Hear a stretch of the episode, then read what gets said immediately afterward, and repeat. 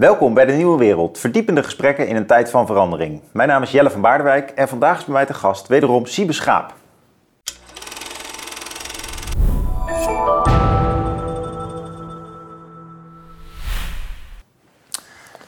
Siebe, leuk dat je er weer bent. Ja, goedemorgen. De vorige keer hebben we gesproken over jouw boek, Als alle vertrouwen wegvalt.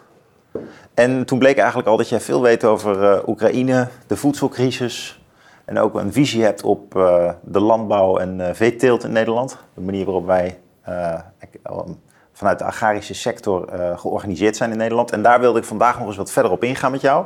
Maar niet voordat ik ook nog wat algemene dingen over je zeg. Siebe is een ex-lid. Je bent, nee, je bent nog echt lid van de VVD, ja, geloof ik. Ho, ja, ho, echt lid hoor. Voordat ja, er... ja, ja, een echte VVD'er. maar je kwam uit in de Eerste Kamer. Ja. Meer dan tien jaar zat je in de Eerste 12 Kamer. Jaar, 12 jaar Eerste Kamer, ja. Je bent dijkgraaf geweest. Dat is een belangrijke bestuurlijke positie in Nederland waar het gaat om watermanagement. Ja. En de inrichting van het land. Klopt. Waar was dat? Dat was in West-Overijssel en daarvoor de Noordoostpolder. Ondertussen schreef je ook boeken, heel veel boeken eigenlijk. Onder andere over Nietzsche. Ja. Dus je bent iemand die uh, s'avonds uh, lekker doorschrijft als filosoof. Nietzsche is mijn grote favoriet, ja dat klopt. Ja. En je hebt uh, geboorte in Oekraïne en ook in Nederland. Dus je bent ook iemand die met beide poten in de modder kan staan en weet wat er speelt. In ieder geval wel zo groot geworden, laat ik het zo zeggen. Ja. ja. Dat zijn grote boerderijen waar jij betro bij betrokken geweest bent, hè? Dus je bent niet zomaar een uh, Nou, Noordoostpolder, Noordoostpolder, de schaal in de tijd dat mijn vader daar dan begon te boeren, dat was 48, de eerste uitgifte na de drooglegging. 48? 1948. Oh ja, ja. Uh, de moet de schaal niet overschat hoor. Dat was 24 hectare bedrijf en dat uh, is in de akkerbouw nu uh, niet meer levensvatbaar. Hoeveel koeien stond daarop? Nou, we hadden een groenverplichting, dus we hadden er ook nog een stuk of 25 koeien bij. Maar dat was nog net niet mijn hobby. Dat... En, en, hoeveel koeien heeft de gemiddelde Nederlandse boer nu? Nou, dat is denk ik wel over de 100. Hm. En een beetje levensvatbaar bedrijf kruipt naar de 200. Hm, hm. Nou, dan gaan we en dat is op wereldschaal niks hoor, dat is heel klein. Oh ja? Ja, als je dat vergelijkt met bedrijven in Canada, Amerika, uh, maar ook in Oekraïne, de modernere bedrijven, trouwens heel Oost-Europa. Hoeveel beesten hebben ze daar dan, bijvoorbeeld in Oekraïne? Nou, een goede vriend van me, uh, die uh, daar is gaan boeren, een Nederlander. Die heeft een bedrijf nu van 15.000 hectare. Dus dat is een derde van de Noordoostpolder. En die is daar ook met vee begonnen. Ik geloof dat hij nu 2000 melkkoeien heeft. En die wil nog uitbreiden. 2000, die zal heel wat knechten hebben rondlopen dan. Daar, loopt, uh, daar profiteert, uh, de, profiteren de dorpen daar zeg maar omheen goed van. Hij ja. is een grote werkgever. Goed, nou, dus meteen al even een introductie in hoe, hoe, je zo kijkt naar het boerenbedrijf. wat ik vandaag leuk zou vinden is als we eens beginnen met um, hoe de crisis in Oekraïne, de oorlog in Oekraïne, zelf een voedselcrisis kan veroorzaken. Ja. Um, je hebt mij daarover verteld, dus jij, zegt eigenlijk, nou die crisis is al in gang gezet, hij is alleen hier niet echt voelbaar. En wat mij betreft uh, ontwikkelen we dan de gedachtegang verder naar uh, hoe we nu meer milieubewust aan het consumeren zijn. En met name vlees eigenlijk een taboe aan het worden is in Nederland. Ja. En vanuit daar, dan zou het toch wel leuk zijn als we even terugkeren weer naar het VVD-congres ja, van afgelopen zaterdag. Ja, ja. En vanuit daar dan weer kijken naar het milieubeleid en dan in het bijzonder hoe jij, uh, wat jouw visie is op, op, op nu het nieuwe stikstofbeleid. Uitstekend. Dus we beginnen met de voedselcrisis. nou, nou die, uh, die is uh, al lang aan het uitrollen en, en die wordt groot. En dat is nou eigenlijk met een klap begonnen met de inval van Rusland in Oekraïne.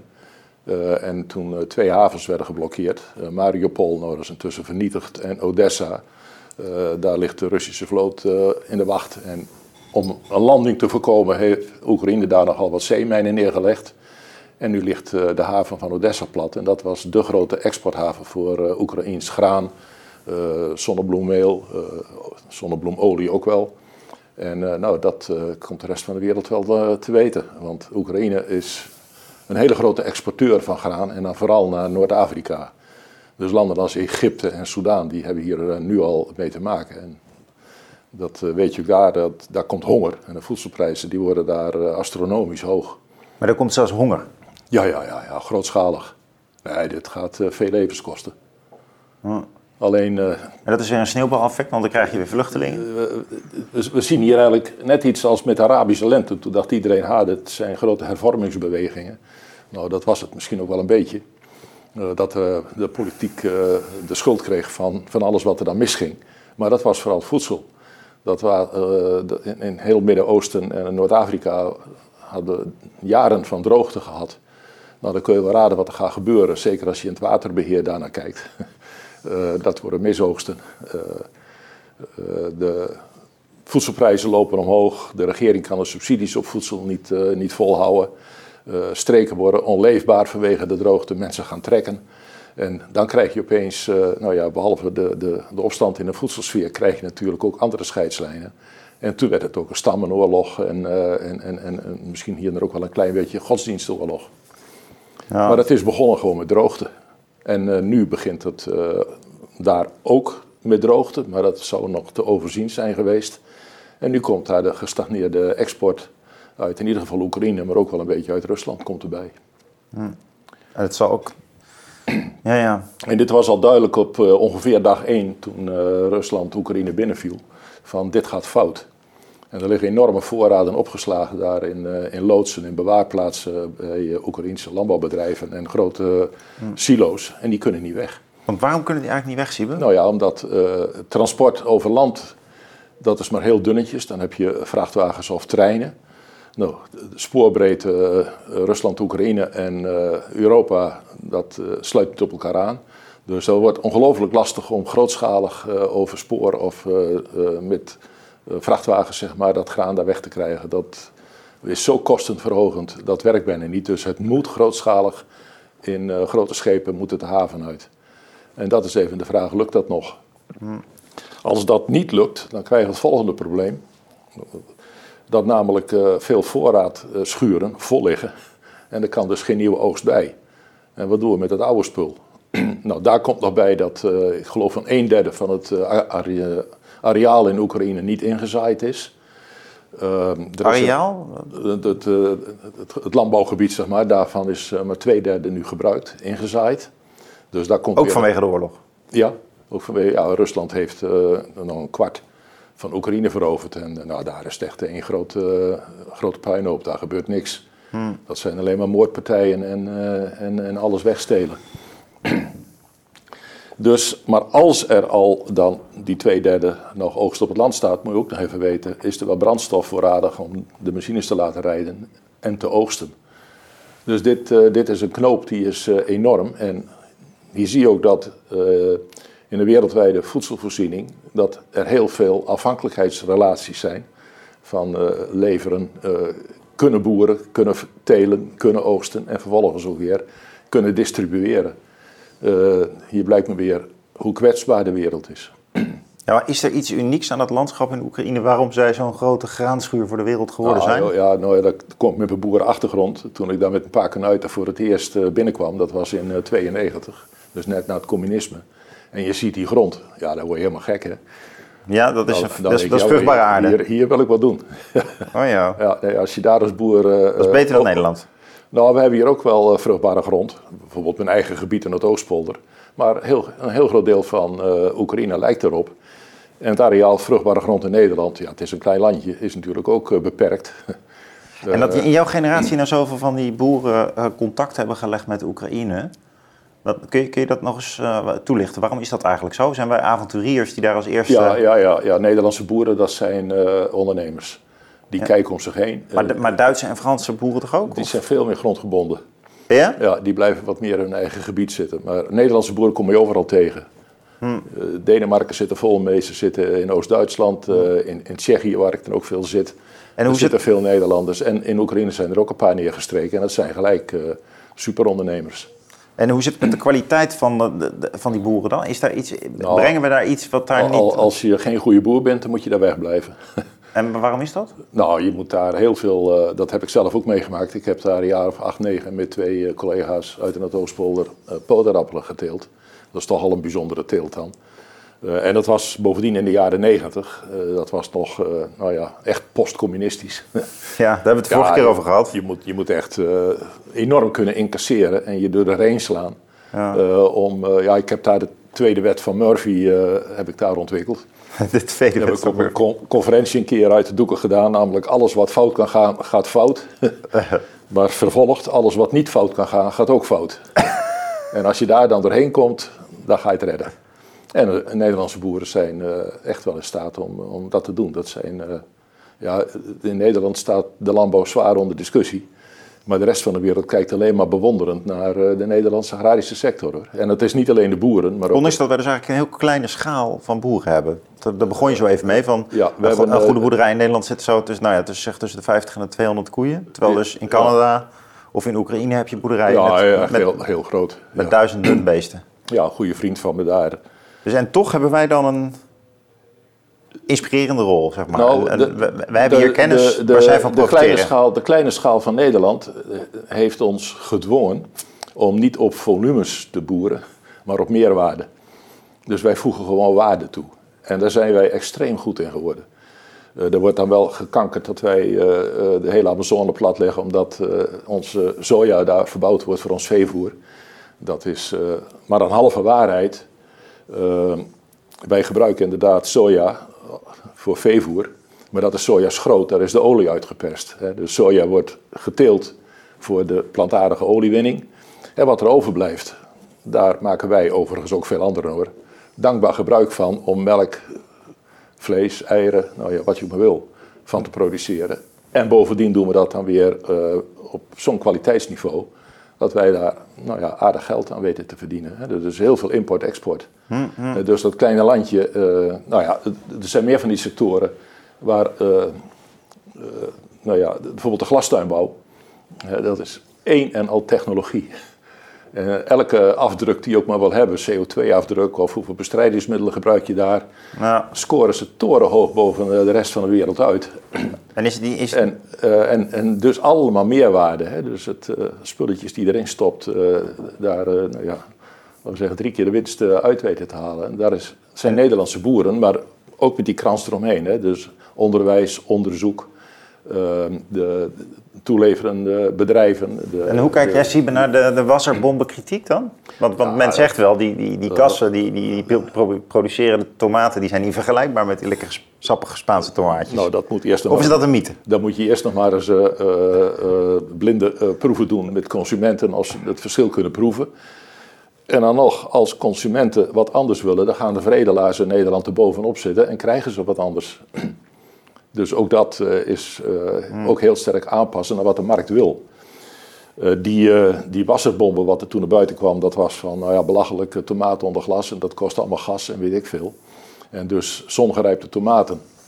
Dan moet je maar eens even vergelijken wat het tomatenteelt in de volle grond, open, buiten, wat daar aan bestrijdingsmiddelen worden gebruikt en wat onze tomatentelers onder glas aan bestrijdingsmiddelen gebruiken.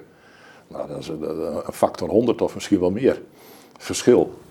Maar is dat niet omdat die Spanjaarden niet professioneel tomaten telen en dat eigenlijk die slag gemaakt moet worden? Als je buiten komt, dan heb je insecten, eh, je hebt eh, problemen van eh, schimmelziektes. Dus je ontkomt je niet aan die middelen. verstorend bodemleven, dus je moet dan bodemontsmetting gaan doen en ga zo maar door. dus het ligt eigenlijk niet aan hun professionele ethos, het ligt... Nee, nee, nee, het ligt gewoon aan moeilijke omstandigheden waaronder je moet telen. Oh ja. Veldteelt is altijd veel moeilijker dan onder glas. Ja. Het enige, onder glas moet je technologisch ongelooflijk goed zijn, wil je dan ook die winst eruit halen. ja. Nou, dat kan Nederland allemaal. En dat heeft te maken ge- gehad dus met de kleine schaal, waardoor wij het veel beter moesten doen dan de anderen. ja. En dat hebben we geleerd. We zijn goed in veredelen van zaden en Ja. sowieso Wereldleider. Wereldleiders zelfs. Ja, wereldleider. Ja. Zaden en eigenlijk en sowieso alles wat uit de grond komt Nou eigenlijk. ja, West-Fries- Pla- planten. West- West-Friesland, dat is, eh, daar, daar zitten alle grote concerns. En dat, dat is ook begonnen met de kleine boeren, de kleine veredelaars, de doe-het-zelver, de hobbyist. En dat wordt nu allemaal uitgebuit door de En, eh, Monsanto's. nou, uitgebuit. Die, eh, als je het grootschalig goed wil doen, dan heb je kapitaal nodig. Hm. Dus ja, dan, dan, dan zoek je die op. En ze zoeken natuurlijk jou ook wel op. ja. En dan, eh, maar ja, dat is allemaal daar. eh, nou, het is niet alleen West-Friesland hoor. Maar, en, en onderschat niet hè, dat een. eh, ik weet niet precies hoe de verhoudingen liggen, maar ik geloof dat een, een kilo tomatenzaad net zoveel waard is als een kilo goud of zoiets. Eh, zo- zo- Zo'n enorme meerwaarde kun je halen dus als je op kleine schaal het goed doet. En wat die Nederlandse boeren dan wel weer doen als ze het buitenland intrekken, zoals naar Denemarken of Oost-Duitsland en in dit geval ook Oekraïne, dan al die kennis en deskundigheid, die zetten ze dan grootschalig in, want daar heeft de Oekraïne de ruimte voor. En, Ja. eh, en die Oekraïnse regering die wil niks liever dus dan hechte samenwerking met Nederland op landbouwgebied, overigens ook op watergebied. En dat matcht enorm. Er zijn, wel, er zijn wel twee sporen van jouw loopbaan ook eigenlijk. Ja, hè? water en landbouw, die komen in, in zo'n land ook bij elkaar. Hè? In Oekraïne ook. Ja, ja eh, een groot probleem in het zuidelijke deel van Oekraïne, nou, dat is ongeveer de helft, dat is droogte. En ook eh, een probleem eh, grondwateronttrekking, hè, dus dat ook het grondwater opraakt. Dus ze moeten daar naar een verbeterd irrigatiesysteem eh, toe. Nou, daar heb ik zelf ook jaren in meegedraaid om daar wat aan te doen. Dus daar Is dat niet iets wat ook in Nederland begint te spelen? irrigatie. Wordt wel gesproken wij toch wij krijgen ook, ook langere droogtes, maar dat is Ja. al jaren gaande. Maar dat, dat, wordt, dat wordt af en toe erger. Zoals dit jaar Ja. we ook weer gehad hebben. Nou, dat was een beetje vroeg in het jaar. Maar je ziet onmiddellijk de boer op de televisie. Het, het gewas komt niet op, hè. En, Ja. eh, nou, toen ging het gelukkig toch weer regenen, dus dit eh, herstelt zich eh, wel weer. Maar ook in Nederland moet worden geïrrigeerd. En daar komt dan weer een volgend probleem bij. Als je onzorgvuldig veel water gebruikt, onder hete omstandigheden, krijg je ook veel verdamping. En dan blijven de zoutrestjes die blijven in de bodem achter. En dan krijg je verzilting van de grond. En dan lopen de oogsten ook weer terug. En daar storten ook onze veredelaars zich vervolgens weer op. Dus als ik langs die, wei, je- als ik langs die weilanden fiets en ik zie zo'n grote waterpomp... Nou, zo die weilanden, tik, dat, tik, eh, tik, die weilanden valt nog iets mee, maar in de, in de akkerbouw en tuinbouw, daar is het iets waar eh, wel eh, goed op gelet moet worden. Dus daar hebben we ook complexe eh, bewateringssystemen. Wij moeten ook naar eh, irrigatie, waar we kleine hoeveelheden water zo efficiënt mogelijk in de bodem brengen, zodat er zo weinig mogelijk verdampt. Hm, ja. Nou, dat moet ook in Oekraïne gebeuren, maar dat moet over de hele wereld gebeuren. Want Ja. dit is gewoon, eh, nou ja, elk land raak. Als je nou kijkt naar het hele landbouwproductiesysteem van Nederland, hè, zou het dan kunnen dat wij in een tijd van oorlog, die, die er nu al is eigenlijk, en eh, grensafsluiting, dat wij dus omdat we zo'n groot landbouwapparaat hebben, in ieder geval ook onszelf Ja. eh, te eten zouden kunnen geven? Nou, of zijn we echt heel erg gericht op het toeleveren opeens- van... Ja, wij zijn heel erg afhankelijk van wat er binnenkomt en wat er ook weer uit kan. Als die Onder- grenzen- ondanks dat we dus zoveel boeren hebben. Ja, ja, maar dat zijn over het algemeen toch nog kleine oppervlaktes. Maar als de grenzen dicht zouden gaan, nou, ik denk dat eh, dan wij de helft van de bevolking te eten kunnen geven. En Maar we hebben niet eens genoeg aardappels. En dan houdt het op. Nou, graan, eh, wat ook maar. Eh, Pak het hele voedselpakket maar uit. Hm. Alles is hier, maar dan wel te weinig. En de Dus we zijn- specifieke we dingen nog- hebben, we heel veel te veel van. Dus van, van, van melkproducten bijvoorbeeld. Nou, niet te veel. Nee, die, die exporteren Wij we. exporteren dat. Ja, maar landbouw is natuurlijk ook wereldmarkt. Hè? Die, die, die, die, die lijnen lopen overal naartoe. Eh, nou ja, ik, zal maar eens wat. eh, overal waar je komt in, in, Europa en Noord-Afrika kom je Nederlands spootgoed tegen.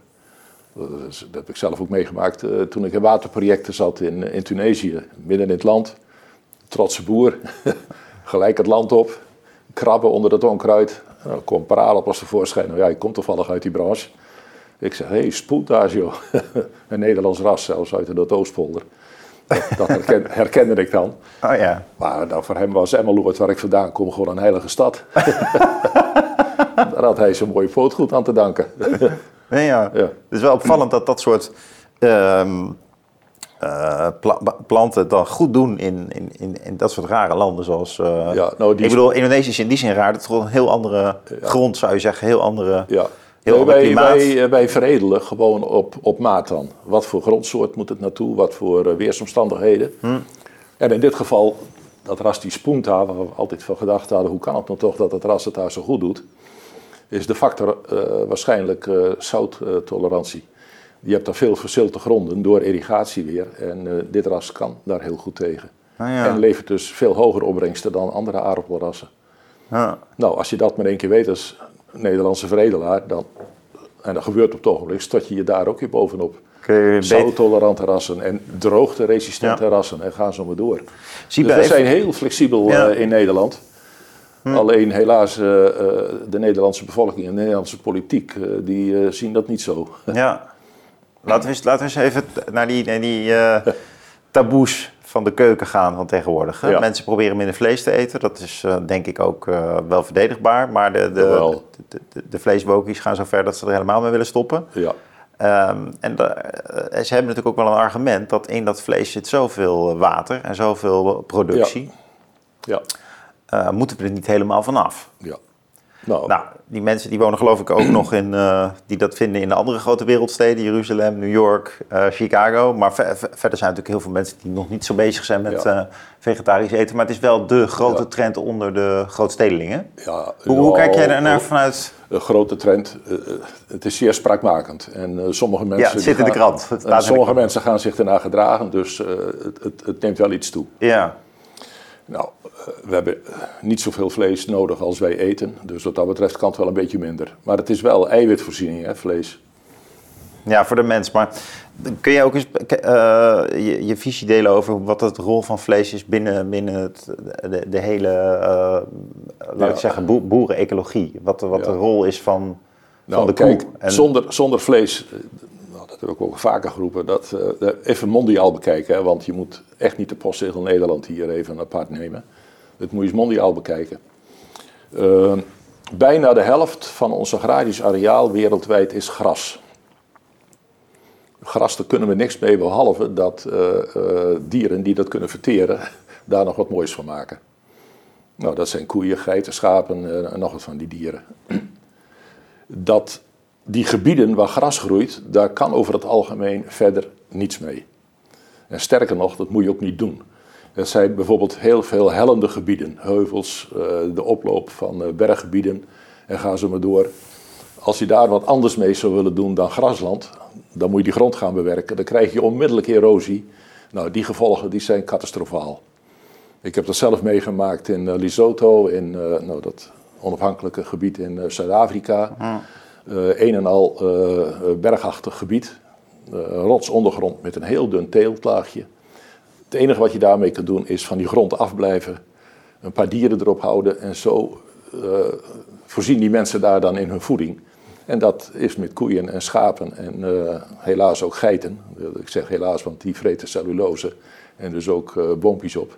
Maar daar kun je verder niks anders mee doen. En ook in Lesotho waren er hier en daar toch eens wat experimenten om het anders te doen.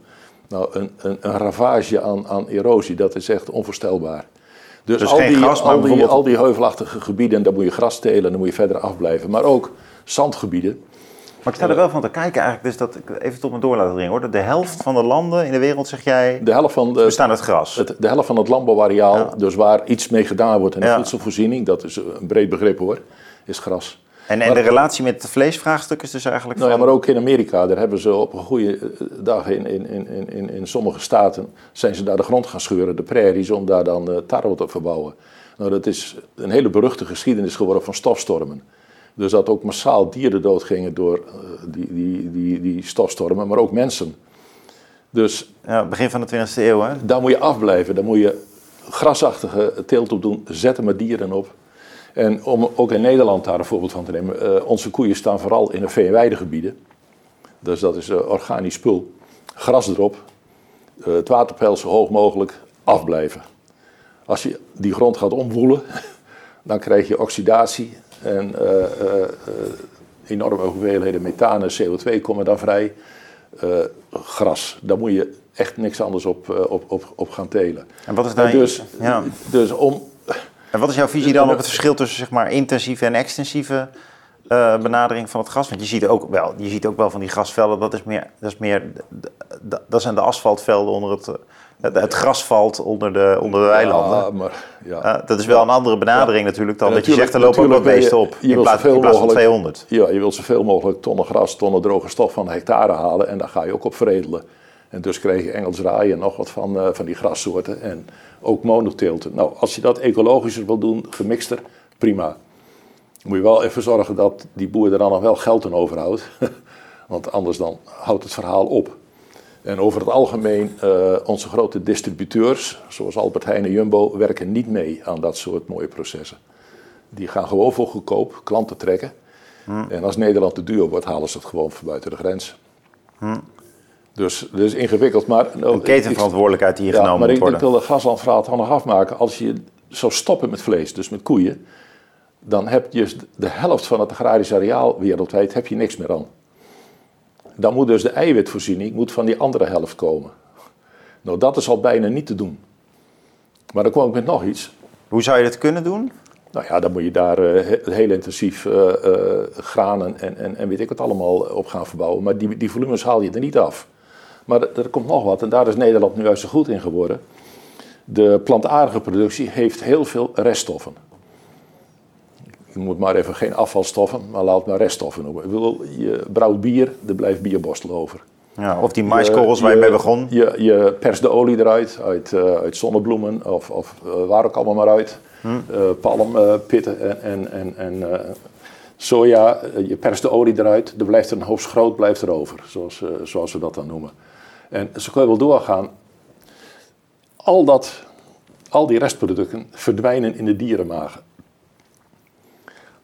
Als er geen dieren meer zijn, kun je die restproducten dus ook niet inzetten voor die dierenmagen. En kun je daar dus ook geen nuttig spul van maken, zoals je vlees en melk en eieren en weet ik wat allemaal. Nee, je moet gewoon composteren. Dus de veehouderij, en zeker in Nederland, is eigenlijk gewoon afvalverwerking. Dus dat is grasland plus uh, reststoffen. Hm, dat is eigenlijk circulair. En dat is hartstikke circulair. Hm. Maar geen dieren meer betekent dus dat die reststoffen niet meer nuttig gebruikt kunnen worden voor de voedselvoorziening. Hm. Nou, vergeet dan maar helemaal uh, in één keer de mondiale voedselvoorziening, want er wordt niks. Dus die hele discussie over minder vlees vind ik allemaal prima, maar dan wel even integraal uh, de discussie voeren. En niet vanuit één invalshoek, zoals bijvoorbeeld CO2 of uh, uh, te veel watergebruik ja. of wat ook allemaal maar. Hm. Um, de, dit, dit, eigenlijk dus, dit, dus is als, een veel, dus, dit is een veel ingewikkelder discussie ja. dan op het ogenblik in de politiek. Maar als je hem dus helemaal plat slaat, dan, oké, okay, dan is het dus de, de, een interessante trend dat min, mensen minder vlees willen gaan eten, want we eten er veel van. Ja. Uh, en dat het afneemt, dat is dat. Uh, oh, dat is verder prima. Ja, jij, jij spreekt er heel neutraal over, hè? Je zou, ja, maar, uh, al, al, al, je zou kunnen zeggen, nou, dat is goed. Want, nou, het is nou, namelijk goed. goed ja. wij eten meer dan genoeg vlees, dus er kan best wat minder. Hmm. Nou, als dat ja. ertoe leidt, dus dat, dat we iets bijdragen op die manier aan, aan, aan milieubeheer of aan klimaat of weet ik, prima.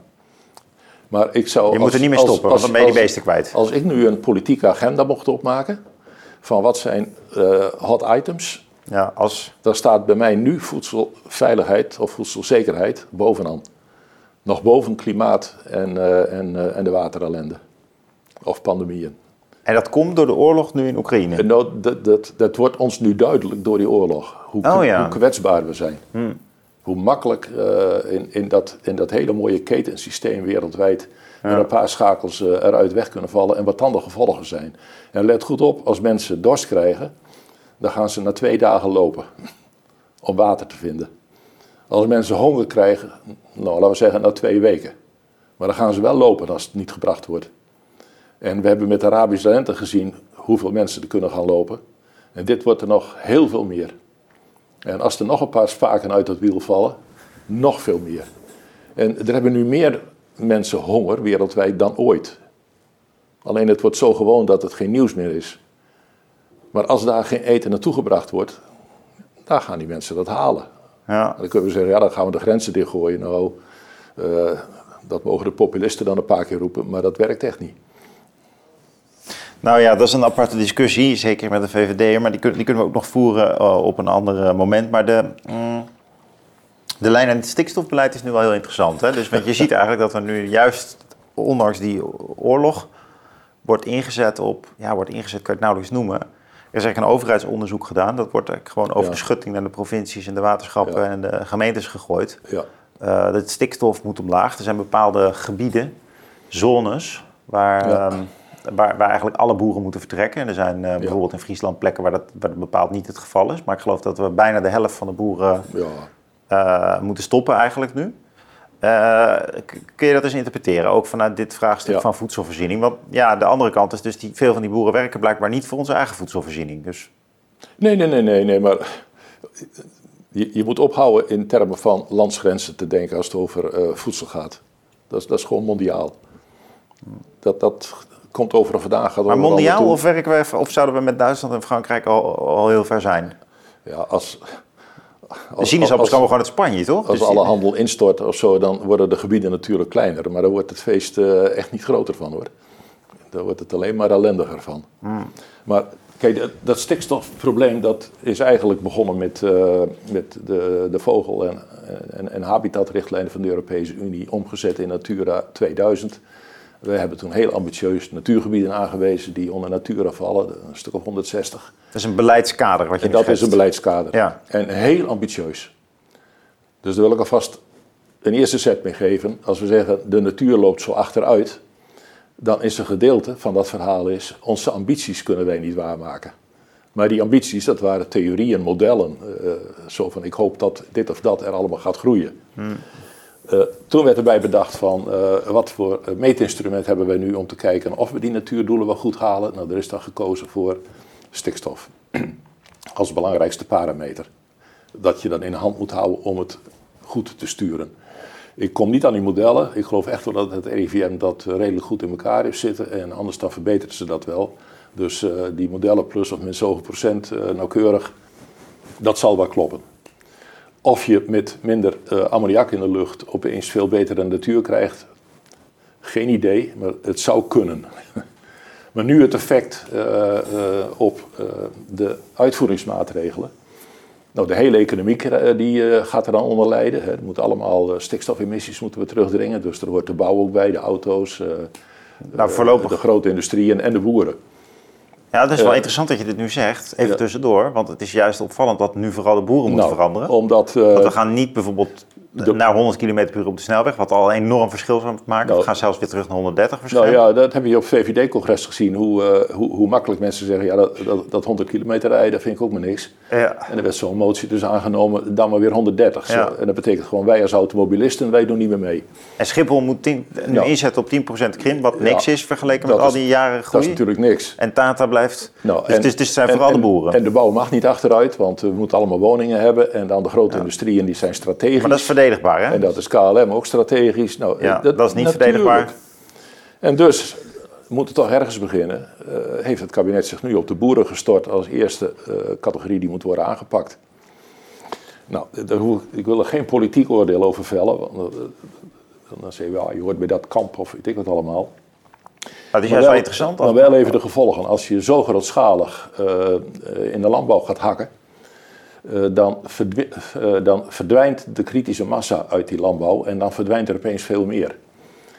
Eh, om maar eh, een, paar effecten te noemen. Als boeren weten van er gaat van alles gebeuren, eh, en ik weet niet hoe dit afloopt, zelfs het woord onteigening is al gevallen, maar in ieder geval grootschalig opkopen of wat anders. Als boeren dat weten, gaan ze niet meer investeren. Een hele hoop van die stikstof en andere milieuwinst moet gehaald worden uit investeringen in technologie, in nou, stallenbouw en alles wat erop en eraan zit. Dat gebeurt niet meer. Eh, er zijn kinderen van boeren die zeggen, ja, maar onder dit soort uh, gestenten uh, neem ik het bedrijf niet over. Die boer doet ook niks meer. Die wacht wel af tot hij 65 is, dan gaat de hele handel onder de hamer. En dan stopt het dus de, de, de vernieuwingsdrang, de investeringsdrang in, in de veehouderij in ieder geval, die, die wordt helemaal om zeep gebracht. En is die groot? dan- is, die, is die vernieuwingsdrang eigenlijk wel groot genoeg? Dat heb ik in het begin al uitgelegd. Nou ja, maar- We hebben nooit anders gedaan. Ja, maar tegelijkertijd die ambities kun je dus niet waarmaken van dat Natura Dat- 2000. Nee, die zijn dat ook is- te hoog. Dat zijn natuurambities. Maar die, die boeren die, die willen wel investeren. Maar daar hebben er ook de banken voor nodig. Nou, er stond eh, vandaag al een, eh, een groot interview, geloof ik, in de Telegraaf. Van de, de CEO van de Rabobank. Dat hij zei van, ja, maar dit maken wij niet meer mee. dus de bank steekt daar het geld ook niet in. Dan hebben we aanvoerlijnen van spul, zoals grondstoffen voor de veehouderij, eh, veevoer. Ja. En we hebben de, de afzetmarkten. Als zoveel boeren opeens verdwijnen, stort daar ook van alles in. In dus die, die hele grote... Dat sociale weefsel. MKB, MKB-bedrijfjes, toeleveranciers. Elke boer, even numeriek, elke boer geeft werk aan ongeveer tien keer zoveel mensen als hij zelf alleen. Zo groot is die hele kring daaromheen. Daar gaat van alles instorten. Maar we hebben genoeg werkgelegenheid. Ja, wel, maar... Ja, ik geef even tegengas, zodat je je punt kan Eh, maken. Want ik, ik- wij moeten dus ook productieve werkgelegenheid hebben. Dus wat niet op kosten van een ander werkt, maar wat gewoon wat levert op de markt. En daar hoort de maakindustrie bij, maar ook de landbouw. En als dat allemaal zomaar wegvalt. Dus ik maak me enorme zorgen over de effecten hiervan op de hele agrarische sector. En niet alleen op die paar gebiedjes. ja, ja. En die zijn waarschijnlijk veel groter dan we nu bevroeden. En dat begint dus al Dat begint al in, in de metalen sfeer, in de psychologie. Dat boeren zeggen van uh, met de banken, met anderen, even niet investeren. En wat is jouw gevoel maatschappelijk gezien hierbij? Want dan kijk ik ook weer naar, naar, naar je ervaringen bij het VVD-congres, waar je hopelijk een, een, tipje van de sluier kan uh, lichten van hoe, hoe dat dan gaat. En dan bedoel ik, die boeren zitten natuurlijk vaak niet uh, hier rond Leiden, hoewel ze hier ook zitten. Ja hoor, ehm, op de gevoelige gebieden. Hè? Ja. ja. Maar, maar hoe is die spanning in, in Nederland ook politiek gesproken nu eh, in, in, in, de zin van uh, achterland, uh, voorland? Dat, ja. zijn, zijn die boeren Kijk, boos genoeg om, om, verander, om dit, of gaan ze dit accept, incasseren? Want wat jij net allemaal zei, dat klonk ook als van een soort gelaten incassering. Van ja, dan moet het maar, uh, we investeren niet meer. Dan, dan geef je het op, hè? maar voorlopig gaan ze protesteren. Dat, dat, dat, dat, dat mag in Nederland en dat moet ook af en toe kunnen. Maar eh, protesteren is natuurlijk geen oplossing bedenken. Dus uh, die landbouworganisaties, maar ook alles eromheen, moet ook heel constructief, positief gaan, of blijven nadenken van als er een probleem ligt, hoe lossen we dat dan op? En dan is het beste nog als je een probleem moet oplossen, dat het tegelijk nog een beetje plus-plus wordt, zodat er nog wat meer werk zeg maar, meegenomen wordt. En uh, wat er zaterdag gebeurde, maar dat is interpreteren natuurlijk moet je even goed kijken wie hebben daar moties in gediend en wie hebben het woord gevoerd. Dus even voor de kijker, dat was een, uh, een, een bijeenkomst van de VVD. Ja, dat was congres. Dat was de eerste keer dat we weer live met, bij elkaar konden komen. Met die beroemde reden van Sofie Hermans, die nou, vertelde dat zij niet, ja, uh, niet de, de fractievoorzitter is omdat ze de dochter is van Hermans. En ook niet omdat ze de tasdrager is van uh, Mark Rutte. was niet zo'n daverende afsluiting, maar toen maar. Ja, maar, dat zij haar eigen, dat zij eigen geluid. Op die, op, op, over dat congres Dat congres was het. En wie voerde daar het woord? Wie diende de moties in? Dat waren de lagere overheden. Er zaten eh, bij de woordvoerders misschien een paar boeren, maar een van die, die, die, die, aangenomen motie, dat was een wethouder en een gedeputeerde. Waren hmm. de schrijvers. Kortom, dit waren de lagere overheden.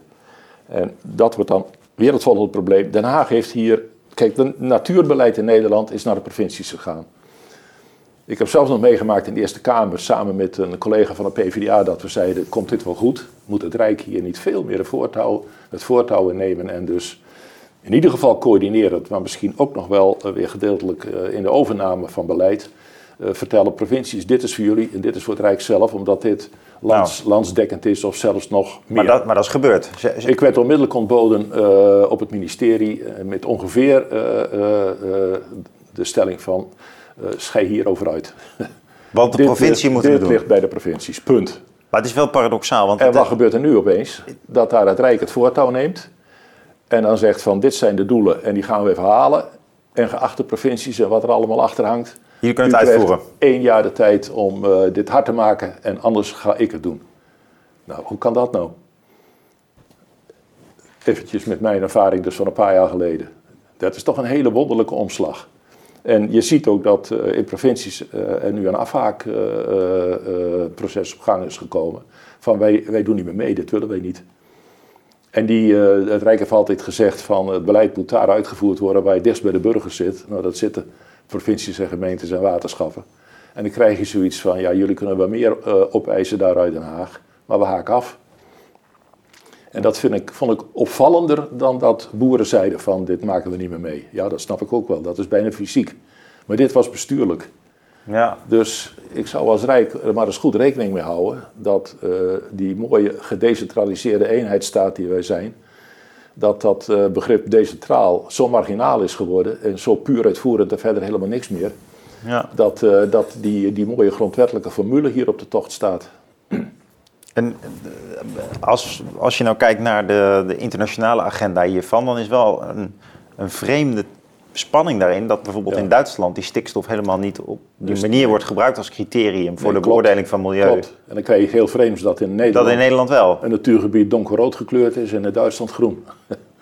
ja, zoals we ook al zien met de gasvoorraden. Dat, dat is vreemd, hè? Dus ik, ik, eigenlijk, we, krijgen er nog eentje binnenkort hoor. Ik heb daar gisteren op een bijeenkomst uh, de dijkgraven van onze waterschappen ook uh, op gewezen. In uh, 2027 er wordt de kaderrichtlijn water opgeleverd. En dat zijn ook allemaal mooie kwaliteits- en ecologische doelstellingen. En die gaan we niet halen. En ik heb ook gezegd van pas op, hè, van, we hebben een noodsituatie, nu krijgen de boeren de schuld en daar wordt op ingehakt. Over een paar jaar dan gaan we naar het water kijken en dan blijkt ook van alles nog niet zo ambitieus voor elkaar te zijn gekregen als wij dachten.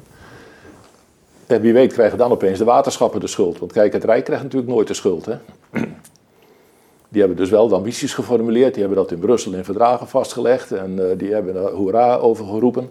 En daar uh, prachtige regeerakkoorden omheen gesloten. Maar hoe kan het zo zijn dat jou... En dan vervolgens de ellende ligt ergens anders. Ja.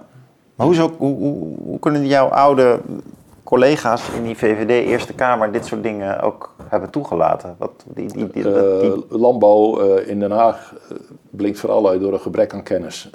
Dat is wel heel cynisch. Op het Binnenhof. Nou, er, er zijn heel weinig landbouwdeskundigen meer. Het verschil met 40 jaar geleden. Nou, je, had, had wat minder partijen, die waren wat groter, maar elke partij had een landbouwdeskundige. En dat was iemand die ook een beetje uit die agrarische Maar ook dus dat besef, besef van dat ding, dat decentraal organiseren niet betekent nationaal definiëren en lokaal uitvoeren, maar dat je dus ook de probleemdefinitie uh, formuleert op lokaal niveau. dat besef zou toch in andere domeinen aanwezig moeten zijn? Dus... Als het beleid daar dan ligt, in dit geval bij de provincies, dan moet ook de autonomie daar liggen. Namelijk de bevoegdheid om zelf te reguleren en zelf dan ook uit te voeren. Dan moet je als Rijk ook zeggen van het is gedelegeerd, ja. uh, geluk ermee. Weet wel even dat er ergens uh, in wetten en verdragen wat is vastgelegd, maar het is aan jullie om daar wat moois van te maken. Ja. En dat gebeurt nu niet, het omgekeerde. Dus wij worden een eenheidsstaat en dat decentraal hangt erbij. Dan komen we weer op het thema van je boek. En uh, beste kijkers, ik kan jullie ook aanraden om ons eerdere gesprek uh, te bekijken. Dat uh, gaat namelijk over dit boek, Als alle vertrouwen wegvalt. En daarin heb je het over het belang van burgerschap. Ja. En burgerschap, wat, wat, wat, betekent dat eigenlijk? Zeker nou, voor, voor de bestuurselite? Wat, e- wat, even, wat is dat? E- even als je nou hierop doorgaat, dat betekent dat de inwoners van Nederland als burger zich ook verantwoordelijk voelen voor het algemeen belang. Ja. Dus dat je uh, zegt van ik leef hier niet alleen voor mijn private belangen en voor mezelf en uh, naar ja. mezelf toe. Maar ik weet dat ik deel uitmaak van een gemeenschap of van een rechtsgemeenschap. En uh, er zijn mij bepaalde rechten daartoe in handen gegeven, zoals meningsuiting en, en, en, en vergadering. En ook kiesrecht. En dat moet je dan ook zo inzetten dat daar de gemeenschap beter van wordt. Dat je dat ook meeneemt. Dat is goed burgerschap. Maar het pijnlijk is dat deze, de, dit verhaal ook gebruikt wordt om juist een duurzaamheidsagenda door te zetten. Die... Prima, moet je doen. Dus als dat een hot item is, meedenken allemaal. Ja. En dat vind ik dat dus boeren ook moeten doen. En dat doen ze te weinig? Nou, uh, laten we zeggen, ze zitten meer op toch in een rol dat ze beschuldigd worden van van alles. Ja. Het, het, het, het, het, het ene is nog negatiever dan het andere. Hè. Ons eten is vergiftigd, ons eten... Ja. Nee, herkenbaar. Elk, elk klein schandaaltje is gelijk de landbouw. En uh, uh, nou, en met de stikstof hebben de boeren het ook weer gedaan. Ja. En uh, op die manier hou je natuurlijk als boer op, vooral eens te denken aan goed burgerschap. Dan denk je, hoe overleef ik dit? Ja, en je zet of, of, of, hoe kom ik hier weg? Ja. Want let maar op hoeveel mensen weer gaan nadenken over emigreer dan maar. Uh, als ik jou goed begrijp, zeg je eigenlijk van die duurzaamheidscrisis is niet zo groot als de voedselcrisis. De, uh, maar misschien zijn die woorden crisis nog te groot. En het voedselprobleem. Ja, je moet met het woord crisis ook oppassen, maar, uh, want crisis betekent ook dat, er een, dat je zo verbindt dat er een oplossing uh, in beeld komt. maar voedselcrisis, dat wordt dan vooral ellende, wanhoop. Ja. En, maar in eerste plaats niet in om, Nederland. Het gaat er mij maar, nou ja, ook hier zijn de voedselprijzen sky high geworden. En het minst verdienende deel van de bevolking heeft er hartstikke veel last van. Ja. Uh, ik ben met Kees Huizinga, dat is de uh, Nederlandse boer in Oekraïne, waar we het net zijdelings even over hadden. Ja. Die daar, is dat zo'n boer met duizenden koeien? Ja, die heeft een paar duizend koeien, maar die heeft een bedrijf van 15.000 hectare opgebouwd daar. Oh ja. Een derde van de Noordoostpolder, zo groot. Zo'n voorbeeld dus, ja. En uh, die is ook de woordvoerder van een groot aantal van die moderne boeren daar. En die is direct na de inval van de Russen ook in Nederland geweest. Nou, toen zijn we ook samen opgetrokken. Dus hij op scherpje, omdat hij ergens uh, anders zat. En ik er dan aan tafel, ook bij minister Staghouwer. En ja, die had uh, in die tijd al naar buiten gebracht van ja, ja, maar wij redden ons wel. En dat is natuurlijk helemaal de verkeerde houding. En dat loopt ook een beetje door de politiek heen. Van ja, al die boeren intensief en dat uh, levert maar allemaal ellende op. kan ook wel met een paar minder. Ik zou donders oppassen. Want voedselcrisis is een acute crisis. Hè? Dat is hetzelfde als een overstroming. Dat gebeurt opeens. Dat is niet iets van. Kijk, als de natuur wat achteruit gaat, dat is ook niet best, dat weet ik ook wel. Maar dat is over langere termijnen. Ja. Maar een voedselcrisis of een overstroming is in één keer. Ja. En, uh, en dan gebeurt er altijd wat. Maar goed, goed voor deze waarschuwing en, en, en helemaal omkleed met jouw eigenlijk filosofie van hoe je moet besturen. Ja. ook besturen maar met... het roept wel een beetje de vraag op van ja. hoe, hoe, hoe, hoe, kijk jij dan wel naar die klimaatcrisis en um, hoe, hoe denk je dat die boeren zich daar in de toekomst om kunnen bekommeren? Wat, ja. Wat kunnen we dan nou... Want het is natuurlijk ook een reëel milieuprobleem. Er is een klimaatcrisis in de atmosfeer. Maar er is ook een klimaatcrisis in de ondergrond. En dat is grondwateronttrekking. En overal ter wereld, voor irrigatie, voor een beetje drinkwatervoorziening, maar ook voor proceswater van industrieën. Overal ter wereld wordt op grote schaal grondwater onttrokken. En dat gaat pijlsnel. En uh, dit, uh, als je zegt klimaat, dan vind ik de ondergrond het eerste grote probleem. En dan vervolgens ook uh, de bodemvruchtbaarheid voor onze landbouwarealen. Een geweldig probleem. De verzilting. Het zijn, wel, er zijn wel drie problemen die juist ook vanuit de landbouw kunnen worden opgelost. En daar kunnen boeren en moeten boeren ook heel scherp over nadenken. Maar daar hebben ze ook de wetenschap voor nodig. Nou ja, we hebben hier een bastion. Dat kent de wereld bijna niet en dat is Wageningen. Maar ook nog heel veel hoger onderwijs daaromheen. Ja. Dat moet dus, en de industrie uiteraard, ook meedenken, technologie. Maar daar, daar moet bovenop gesprongen worden. En uh, die grondwateronttrekking die moet zo snel mogelijk gestopt worden. Want je krijgt er ook woestijnvorming van. Hmm. Nou, dan krijg je het volgende, het klimaatverandering in de atmosfeer. Nou, dat is vooral uh, alles wat er toch al gebeurde, wordt heftiger. Het, wordt heter, het wordt droger, het wordt van alles wat. Uh, dan krijg je ook hele, als ik nog één ding erbij mag vertellen. Uh, als je droge grond hebt, intens droge grond, en je krijgt een dikke kwak water erop, en dat gebeurt dan, hè, heftige regenbuien, 100 mm in één keer in Jordanië, dat gaat de bodem niet meer in. Dat ligt bovenop een luchtbel in die grond en dat, gaat, dat water verdwijnt horizontaal. Dus als je dit type regenwater krijgt, helpt dat de landbouw ook niet meer. Nou, hier, kunnen boeren, hier moeten boeren ontzettend veel mee doen, ook met die hele uh, kring daaromheen. En dat is vooral uh, ook aanpassen en, en, en vernieuwen. En dus moeten we heel zorgvuldig met onze landbouw omgaan, want nogmaals, een voedselcrisis is een, altijd een acute crisis. Ja. Heeft onmiddellijk effecten. En we hebben dat met de Arabische lente meegemaakt met de oorlog van Rusland in, uh, in Syrië. Ja. En het begint zich nu weer te ontwikkelen. En dan, ja, is, dus en dan is een houding, wij redden ons wel, is A, technisch al helemaal onjuist, maar B, geopolitiek dom. Grote woorden.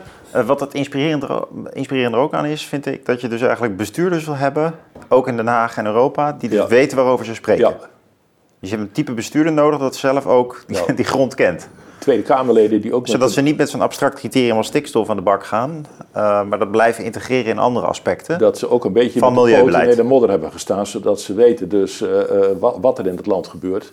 En dan niet alleen door af en toe een werkbezoekje af te leggen, maar er, er interne kennis van te hebben opgebouwd. Ja. En dus heb je die landbouwdeskundigheid in het parlement ook nodig. En, maar dat geldt voor veel meer gebieden. Door de waterdeskundigheid moet ook het parlement zitten. En dat is ook niet een, een boekje uit je hoofd leren maar een beetje weten wat er allemaal kan gebeuren. Maar dat geldt ook voor industrie. Ja, voor onderwijs natuurlijk. Maar we hebben het hier nu even over, over groen en blauw. Hè, voor, over milieu, water, water en land. Dat zijn even de belangrijke... Die kennis, moet, die kennis moet in de Tweede Kamer zitten, maar nog wat. Die kennis moet ook op de departementen zitten. Ja. En ook daar hebben wij, neoliberaal als we geworden zijn... Ja. alle kennis eruit gewerkt. Het is wel mooi, Siebe, dat jij eigenlijk dus binnen de VVD een school vertegenwoordigt. Je zou hem de Torbeckiaanse school kunnen noemen. Ik ben een echte Torbeckiaan. Ja. ja die, die zo ver afstaat van de ehm, hegemonie binnen, binnen de VVD, dus het Mark, Rutte-VVD-denken, dat eigenlijk meer uh, manager van managers is. Dus, dus visieloos. Zoals, dat klopt. Dat, zoals hij dat zelf eigenlijk ook zegt. Dat zegt hij zelf ook, ja. Uh, problemen oplossen. En uh, nu eigenlijk het klimaat ook. Dan krijgt hij dus een paar knoppen aangereikt. bijvoorbeeld om samen te kunnen blijven werken met D66. Nou, dan pakt hij maar dat stikstofknopje. Dan gaat hij daaraan draaien. Het lijkt wel alsof hij gewoon aan de macht wil blijven en verder geen inhoudelijke overtuiging heeft om aan het knopje te draaien. Maar dat het een machtspartij geworden is.